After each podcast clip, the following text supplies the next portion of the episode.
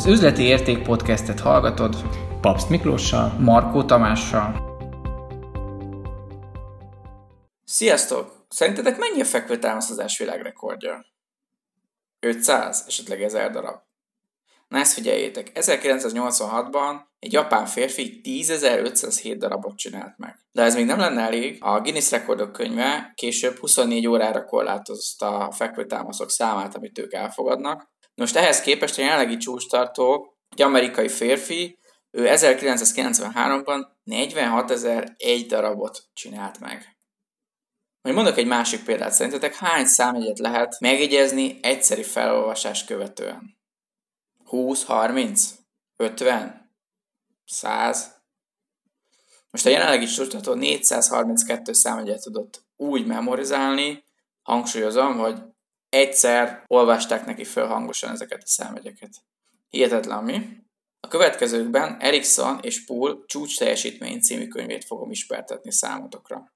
A könyvből ki fog derülni, hogyan lehetségesek ezek a extrémnek számító rekordok. Azt rögtön leszögezném, hogy a szerzők azt határozottan cáfolják, hogy valamiféle velünk született hihetetlen tehetségnek lenne ez köszönhető, ők azt állítják, hogy megfelelő módszerekkel bárki elsajátíthatja ezeket a képességeket. Marko Tamást halljátok, tartsatok velem, és vágjunk is bele a könyvismertetésbe.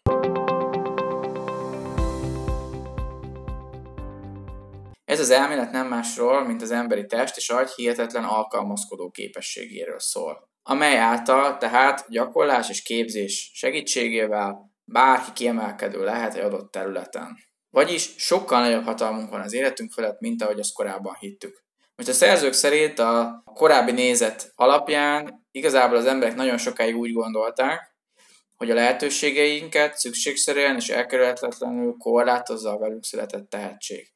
Tehát bárki elkezdhet zongorázni, vagy éppen beírathatja a gyerekét matematika szakkörre, de végül úgyis csak abból lesz profi zongorista, vagy éppen kiváló matematikus, akinek valamilyen szerencse folytán erre Isten adta tehetsége van. Tehát ezzel nem csinálunk más, mint hogy bizonyos tényezőket túlbecsülünk, úgy, mint a tehetség hatása, ellenben jelentősen alulbecsüljük azokat az egyéb tényezőket, mint a motiváció vagy az erőfeszítés. Tehát egy más képpel élve úgy képzeljük el az agyunkat, mint egy számítógépet, amely limitált számú memóriával vagy processzor teljesítő képességgel rendelkezik, tehát egy determinisztikus képet alkotunk meg saját magunkról. Ellenben a szerzőpáros azt állítja, hogy a legfrissebb kutatási eredmények szerint, valamint a pszichológiai elmélet alapján agyunk és testünk is egyaránt rendkívül alkalmazkodó képes, még felnőtt korban is gyakorlatilag bármilyen képességekre szerteltünk, tehát ez alapján a tanulás nem más, mint a képességek kialakításának a módszere a lehetőségeink határa tágítható, olyannyira is, hogy például olyan esettanulmányokat is hoznak, ahol azt is sikerült megfelelő technikákkal elérni, hogy az öregkori látásromlás is javíthatóvá váljon. Ez a könyv tehát arról szól, hogy hogyan lehet leghatékonyabban tanulni. Azonban ezt egyáltalán nem állítja, hogy ez, ehhez egyrészt nem kell nagyon keményen dolgoznunk, másrészt meg azt sem mondja, hogy a kemény munka önmagában elegendő lenne. Ők azt állítják, hogy csak egyfajta gyakorlással, amit ők úgy neveznek, hogy tudatos gyakorlás érhető el a leghatékonyabban a képességeinknek a fejlesztése. Bizonyára hallottatok már a sakkozó polgár testvéreknek a hihetetlen történetéről. Azt azonban talán kevesebben tudjátok, hogy a polgárlányoknak az édesapja, Polgár László, ő egy pszichológus volt, és ugyanezt a pszichológiai elméletet követte, amelyet egyébként a szerzők is, és ő az egész életét arra tette föl, hogy ezt az elméletet valamelyest validálja, bizonyítsa, illetve a széles közönség számára is megismertesse. A legenda szerint egyébként már feleséget is úgy keresett, hogy az első randin elmondta a kiválasztott hölgynek, hogy ő erre fogja föltenni az életét, a gyermekeit is arra fogja trenírozni, hogy ezt az elméletet valamelyest bebizonyítsa. És nem tudjuk, hogy mi igaz ebből a legendából, de az biztos, hogy már ténykérdésként tekinthetjük, hogy három gyermeke született, Polgár Lászlónak, és mindhárom gyerekét már nagyon kisgyermek kora óta csak is erre tréningezte, hogy sakkozó váljon belőlük. Most azt el kell mondani, hogy Polgár László nem volt egy jó sakkozó. Sőt, gyermekei meg nem születtek volna, igazából nem is foglalkozott soha a sakkal. Pont azért választotta ki ezt a területet, mert azt akarta bebizonyítani, hogy nem egyfajta speciális öröklődő génnek tekinthető, hogy valakiből kiváló sakkozó lesz, hanem pusztán a megfelelő gyakorlással bárki számára elérhető mondjuk egy világbajnoki cím. Mellesleg azért is sakk, mert itt ugyebár a mentális képességekre kell hagyatkozni, tehát olyan genetikai tényezők se játszhatnak szerepet, mint a magasság, vagy a testsúly, vagy a testalkat. Mindhárom testvérből sakkozó lett. A legsikeresebb Polgár Zsuzsa volt. Most neki csak a teljesség igénye nélkül idézem néhány kiemelkedő címét, meg sikerét. Négy éves korában már Budapest bajnok volt, 12 évesen ifjúsági sakkvilágbajnok férfiak körében, 15 évesen női virágranglista vezetője volt, majd később rapid és villámsak világbajnokságot is nyert, illetve, ami talán az egyik legkiemelkedőbb sikere, hogy úgy lett női nagymester, hogy ez a férfi norma alapján is megfelelt a címnek, ő ebben. Egyedüli volt a világon akkor.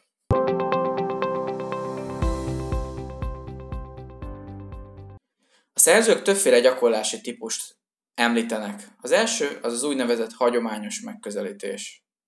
Ezt nagyon röviden úgy tudnám összefoglalni, hogy kedvet kapunk valamihez, majd követjük valami szakértő útmutatását annak érdekében, hogy sikeresebbekké váljunk, vagy jobban teljesítsünk, majd elérünk egy elfogadható szintet, és ezt követően a tevékenység automatikussá válik. Vegyük például a teniszezés példáit. Látjuk, hogy a barátaink minden héten eljárnak teniszezni, mi is kedvet kapunk hozzá. Mit csinálunk ilyenkor? Hát első, hogy rohanunk a megfelelő áruházba, és megvesszük az ütőt, ruházatot, különböző felszereléseket, majd keresünk magunknak egy edzőt, vagy ha van egy olyan lelkes barátunk, aki tanít minket, akkor hálással elfogadjuk a segítségét, majd az alapozó edzések mellett már önállóan is elkezdünk gyakorolgatni, ha más nem, akkor a falhoz ütögetjük a labdánkat, gyakoroljuk a szervát. Majd idő után a gyakorlás hatására már úgy érezzük, hogy kicsi megnőtt az önbizalmunk, hogy most már mások ellen is kimerünk állni. Ez jelentheti azt, hogy akkor most már mi is becsatlakozunk a baráti teniszezésbe, vagy éppen benevezünk amatőr versenyekre. Idő már úgy érezzük, hogy otthonosan mozgunk a pályán, már-már profi technikákat is föl tudunk villantani, sokszor játék közben az a megérzésünk. Minden esetre az automatikussá válnak az alapmozdulataink. Ebből tá- tehát juthatunk arra a következtetésre, hogy most már kész vagyunk, most már csak élvezhetjük a játékot, tehát megtanultunk teniszezni. Mi ezzel a nézettel a gond? Hát az a gond, hogy megreked a fejlődésünk, hiszen például, ha egy speciális ütéstechnikára lenne szükségünk egy olyan helyzetben, ami csak ritkán kerül elő az, e- a gyakorlások során, vagy a versenyek során, akkor nekünk azt ezzel a módszerrel esélytelen megtanulni, hiszen úgy lenne mód ebbe fejlődnünk kizárólagosan, hogyha speciális edzéstechnika eredményeképpen ezt a gyakorlatot módszeresen rögzítjük és gyakoroljuk. Az is egy tévhit, hogyha önmagában valamit gyakorlunk monoton módon, nem tudatosan, akkor abban egyre jobbak és jobbak leszünk. Most mondok egy teljesen más példát, nem egy sport eseményhez kapcsolódót. Orvosok között végeztek olyan kutatásokat, amelyek kimutatták, hogy a tapasztalatszerzés és a teljesítmény között nincs közvetlen kapcsolat. Tehát azok a például kardiológusok, akik 5 évvel praktizálnak, azokkal szembe, akik mondjuk 20 éve jobban teljesítenek. Tehát igazából még azt is kimutatták egyébként, hogy aki 20 éve még picit rosszabbul is, nem hogy jobban ö, teljesít bizonyos kritériumok mentén. És ezen egyébként a konferenciák, különböző továbbképzések sem segítenek, hiszen ezek, ahogy a későbbiek során a könyvben ezt részletesebben is taglalják, a tudásátadásra helyezik a hangsúlyt, ami megint csak nincs összefüggésben a teljesítménnyel. Azért azt rögtön le is szögezik a szerzők itt az elején, hogy azért ők is tudják, hogy nem minden területen van szükségünk nekünk arra, hogy kiemelkedőt nyújtsunk.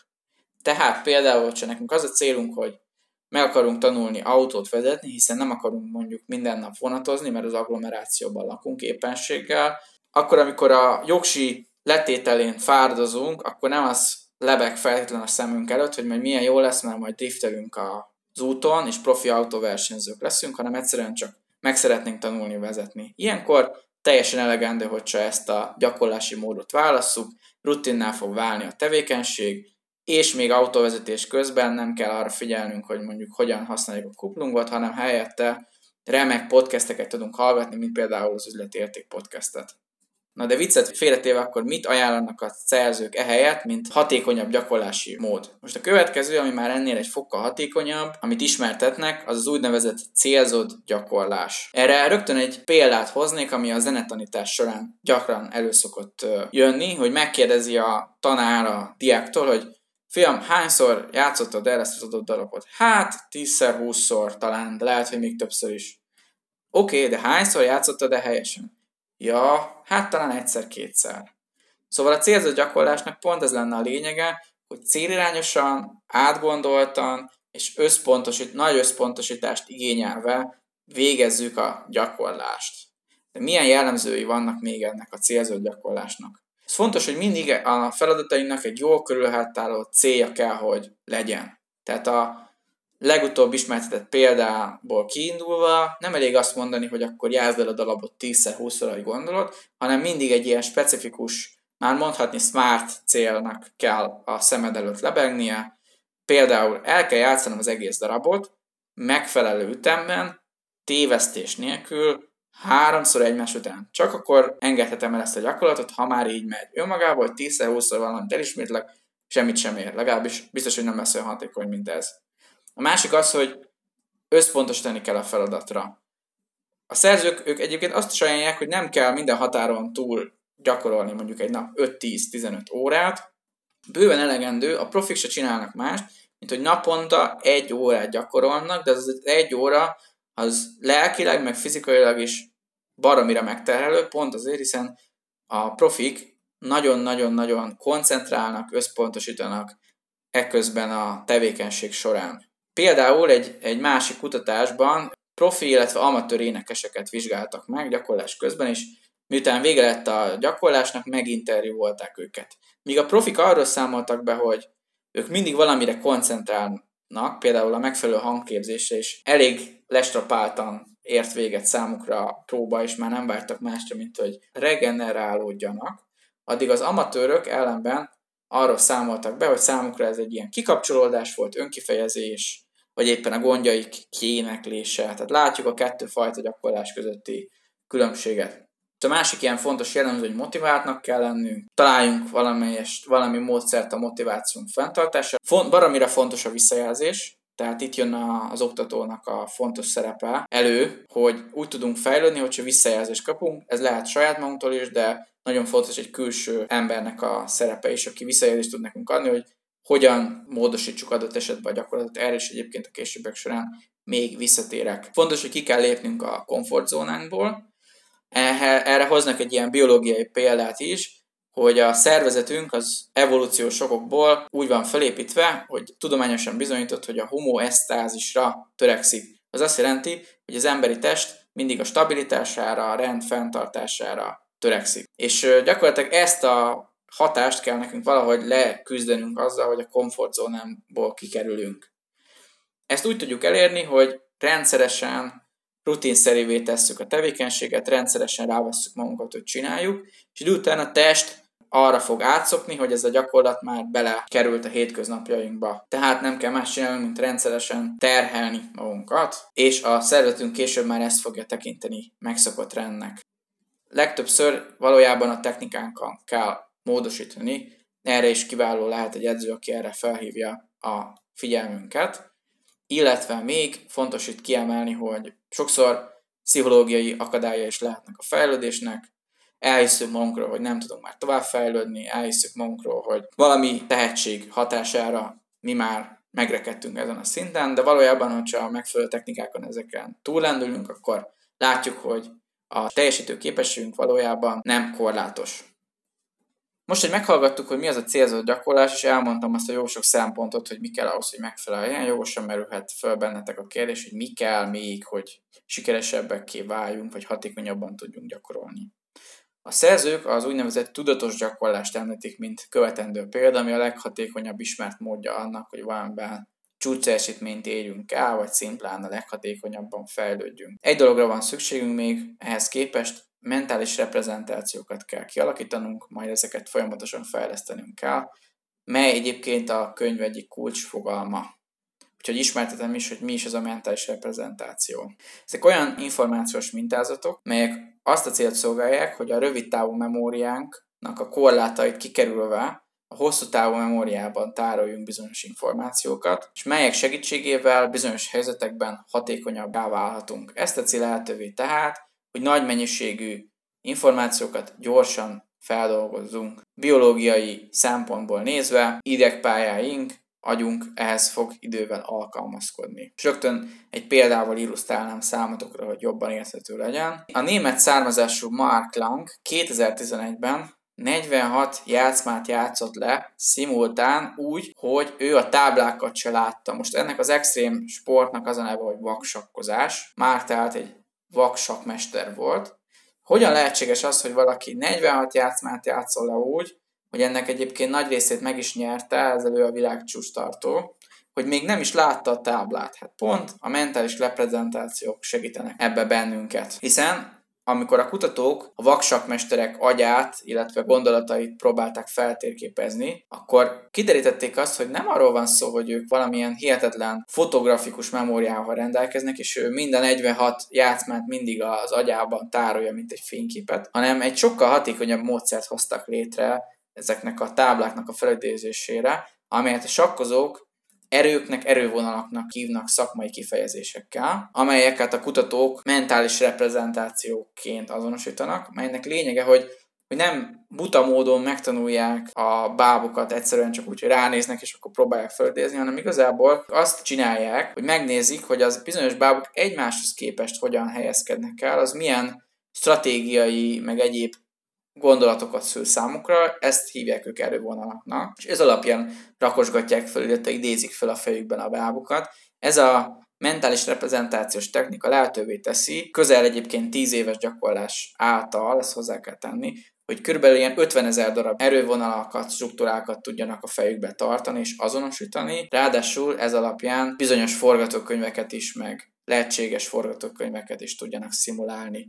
Ez teszi őket igazából kiváló sakkozóvá, illetve extrém vaksakkozóvá. Tehát ez a tudatos gyakorlásnak a lényege, hatékony mentális reprezentáció kialakítása, majd ezeknek a csiszolása, fejlesztése. És rögtön le kell szögezni, hogy attól hogy most mentális reprezentációkról beszélünk, ez a fizikai tevékenységeknél, például fizikai sportoknál is ugyanúgy jelen van. Úszóknál is ezt megfigyelték, ugyebár elég monoton sportnak számít, de ott is a legkiválóbbak azok mind a többiek eltérő mentális reprezentációkkal rendelkeznek, melynek köszönhetően a csúcsra jutottak. Viszont ezeknek a mentális reprezentációknak van egy olyan árnyoldala, idézőjelben, hogy nagyon területspecifikusak. Tehát nem igaz az, hogy lehetőség van általános készségfejlesztésre, sokkal inkább a tudomány jelenlegi állása szerint területspecifikus készségfejlesztésre van mód, ezt, ezt jól illusztrálja az, hogy kutatók megfigyelték azok körében, akik hihetetlen mennyiségű számokat tudnak megjegyezni, hogy ez a készség már olyan laikusként rokon területnek tekinthető területre se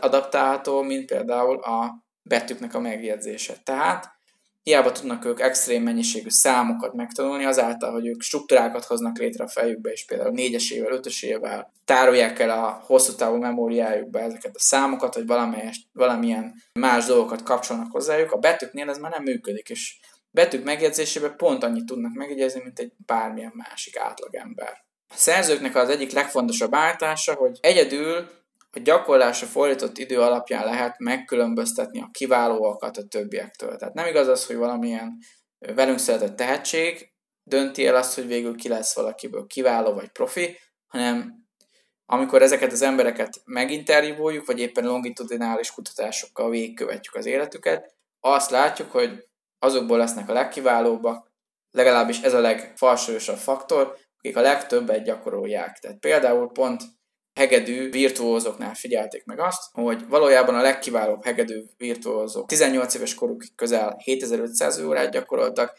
míg a szakértők által egy szinttel lejjebb sorolt hegedűsök mindössze 3400 órát gyakoroltak, most a mindössze persze zárójában van, de látjuk, hogy a legkiválóbbak több mint kétszer annyit gyakoroltak. Persze itt a szerzők rögtön kiemelik, hogy önmagában fontos, de nem elégséges a hosszú-hosszú gyakorlással eltöltött idő, hiszen amellett, hogy sokat gyakorolunk, megfelelő mentális reprezentációkat kell kialakítanunk, tehát tudatosan kell gyakorolnunk. A kettő együttes hatása fogja csak azt eredményezni, hogy csúcs teljesítményt tudunk nyújtani.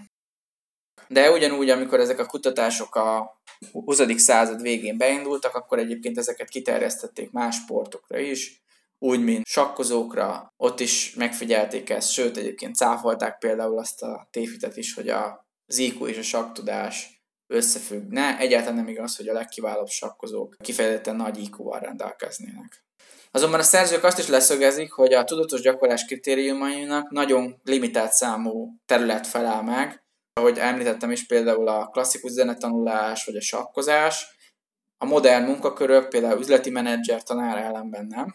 Úgyhogy jogosan felmerült bennünk a kérdés, hogy mit is tehetünk akkor mi, akik mondjuk nem akarunk feltétlen hegedű virtuózok lenni. Most a későbbiek során azokat az elveket fogom ismertetni, azokat a best practice-eket, amelyeket attól függetlenül, hogy nem felel meg definíció szerint tudatos gyakorlásnak, bármilyen tevékenység során alkalmazni tudunk hatékonyan. Nézzük is meg akkor, hogyan tudjuk ezt mi alkalmazni, akik nem hegedű virtuózok szeretnénk lenni. Hát az első tanács, hogy Keressük az iparági best practice-eket olyan területeken is, ahol nem annyira egyértelmű a verseny, mint például a sportban, vagy az objektív kritériumok.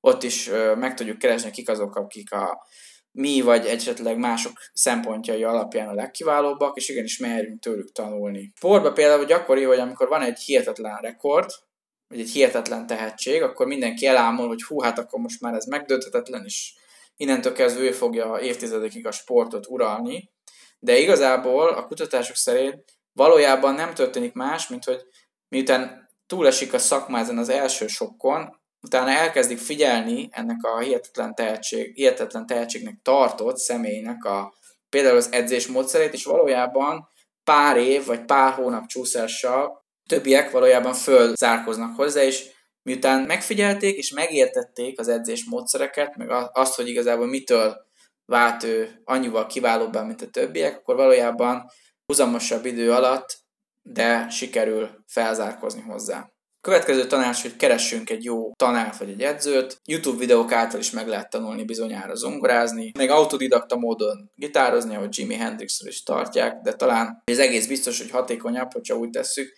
hogy egy megfelelő tanár megmutatja nekünk, hogy például a zongoratanításnak van egy 300 éves hagyománya, akkor nem mi állunk neki pötyögetni a zongorát saját kútfőből, hanem meg, meghallgatjuk a tanárnak a tanácsot, hogy mi a leghatékonyabb módja jelenleg a zongora tanításnak. Például van a Suzuki módszer, ami lehetővé teszi ugyebár azt, hogy valaki négy-öt évesen már virtuóz zongorista legyen, hogy egy ilyen extrém példát mondjak. De azt is egyébként elmondják a szerzők, hogy ne féljünk idővel tanárt váltani. Tehát más tanára van szükségünk a fejlődésünk első második, harmadik, stb. szakaszába így nem ritka, ugyebár a sportolóknál is, hogy edzőt váltanak, ennek nem feltétlenül az, az az oka, hogy rossz kapcsolatot ápolnak, egyszerűen kinőtték az edzőt, úgymond. A harmadik tanács az, hogy felejtsük el a 10.000 órás mítoszt.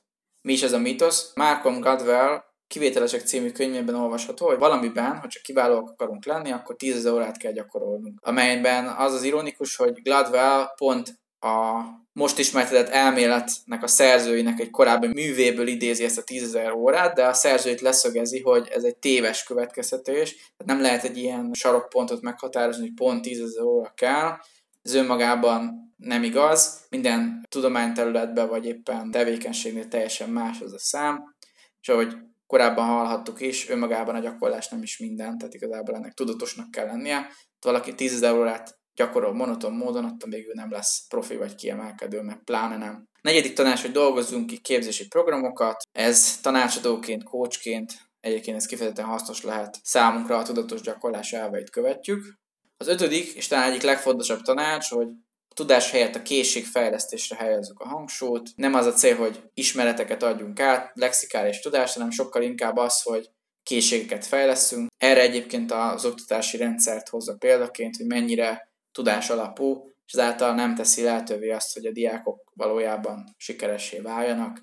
Ez a könyvben részletesebben is ismertetésre kerül. És végül hozok nektek egy orvosi és egy üzleti példát arról, hogy hogyan lehet egy olyan területen is alkalmazni a tudatos gyakorlás elveit, amely bár a steril peremfeltételeknek nem felel meg, de amint azt látni fogjuk, mégis sikeresen alkalmazható. A szerző a radiológusok körében készített egy olyan sikeres programot, ami azt a problémát hivatott megoldani, hogy az orvosi körökben komoly probléma volt, hogy igazából nincs hatékony módszer arra, hogy mammográfiai felvételek alapján sikeresen tudják diagnosztizálni az emlőráknak a meglétét. És valójában az orvosok nagy része nem tudta sikeresen eltalálni a felvételek alapján, hogy mikor van egy hölgynek rákja, és mikor nincs. Erre kidolgoztak egy olyan tesztanyagot, vagy szimulációt, ahol összegyűjtöttek nagyon sok olyan felvételt, ahol kétséges volt, tehát ahol igazából nem volt egyértelmű egy szaki, szakavatott embernek se, hogy most akkor ez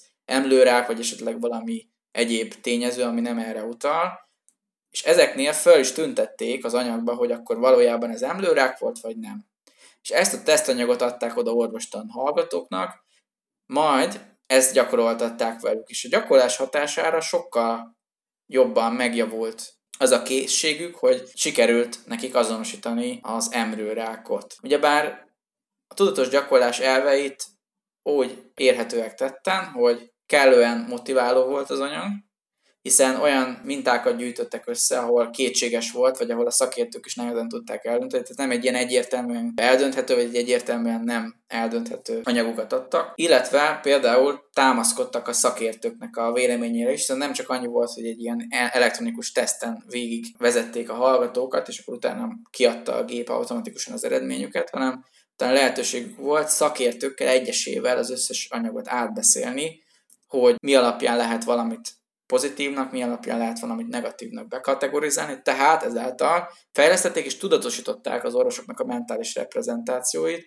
tehát hogy a, azok a, az orvosok, akik sikeresebben találták el a megfelelő eredményeket, ők el tudták mondani a többieknek, hogy milyen gondolatok, megfigyelések alapján jutottak erre a következtetésre, többiek is el tudták sajátítani ezt a képességet. Vagy hogy egy ipari példát mondjak, egy multinacionális cégnél dolgozták ki ugyancsak a pszichológiai elméletnek a hatására azt a készítési programot, hogy komoly probléma volt a cégnél, hogy mindenki utálta ezeket a belső prezentációkat. Nagyon elvárás volt a cégnél, hogy mindenki tartson ilyeneket, de igazából senki sem szerette. Azt se szerette, aki tartotta, illetve azt se szerette, aki megfigyelőként vett részt, vagy hallgatóként vett részt.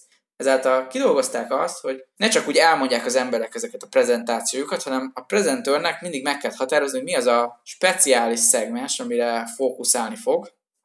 Például jobban fog hangsúlyozni, változtatni fog a diákon, stb. stb. Ezt előre elmondta, és ebbe tréningezte magát a következő időszakban. A hallgatóság az meg nem csak ott ült, hanem azt kellett csinálniuk, hogy értékelni kellett a előadót, hogy az előzőekhez képest valójában fejlődötte a képessége, és hogyha voltak tanácsaik, akkor azt is meg tudták az előadás végén beszélni vele, hogy hogy sikerült, szerintük mibe kéne változtatni. Tehát itt is próbálták kimozdítani az embereket a komfortzónájukból, mind a hallgatókat, mind a előadót. Próbáltak túllépni a megszokott ügymeneti gyakorlatokon ezáltal, és egyébként segített ez a pszichológiai korlátokat leküzdeni, hogy például nem mondhassák át az, azt az emberek, hogy nem vagyok jó a prezentálásban. Hiszen látszódott, hogy aki ezt komolyan gondolta, és tudatosan fókuszált, gyakorolt, akkor fejlődni tudott, független attól, hogy ő milyen prezentőrnek tartotta magát.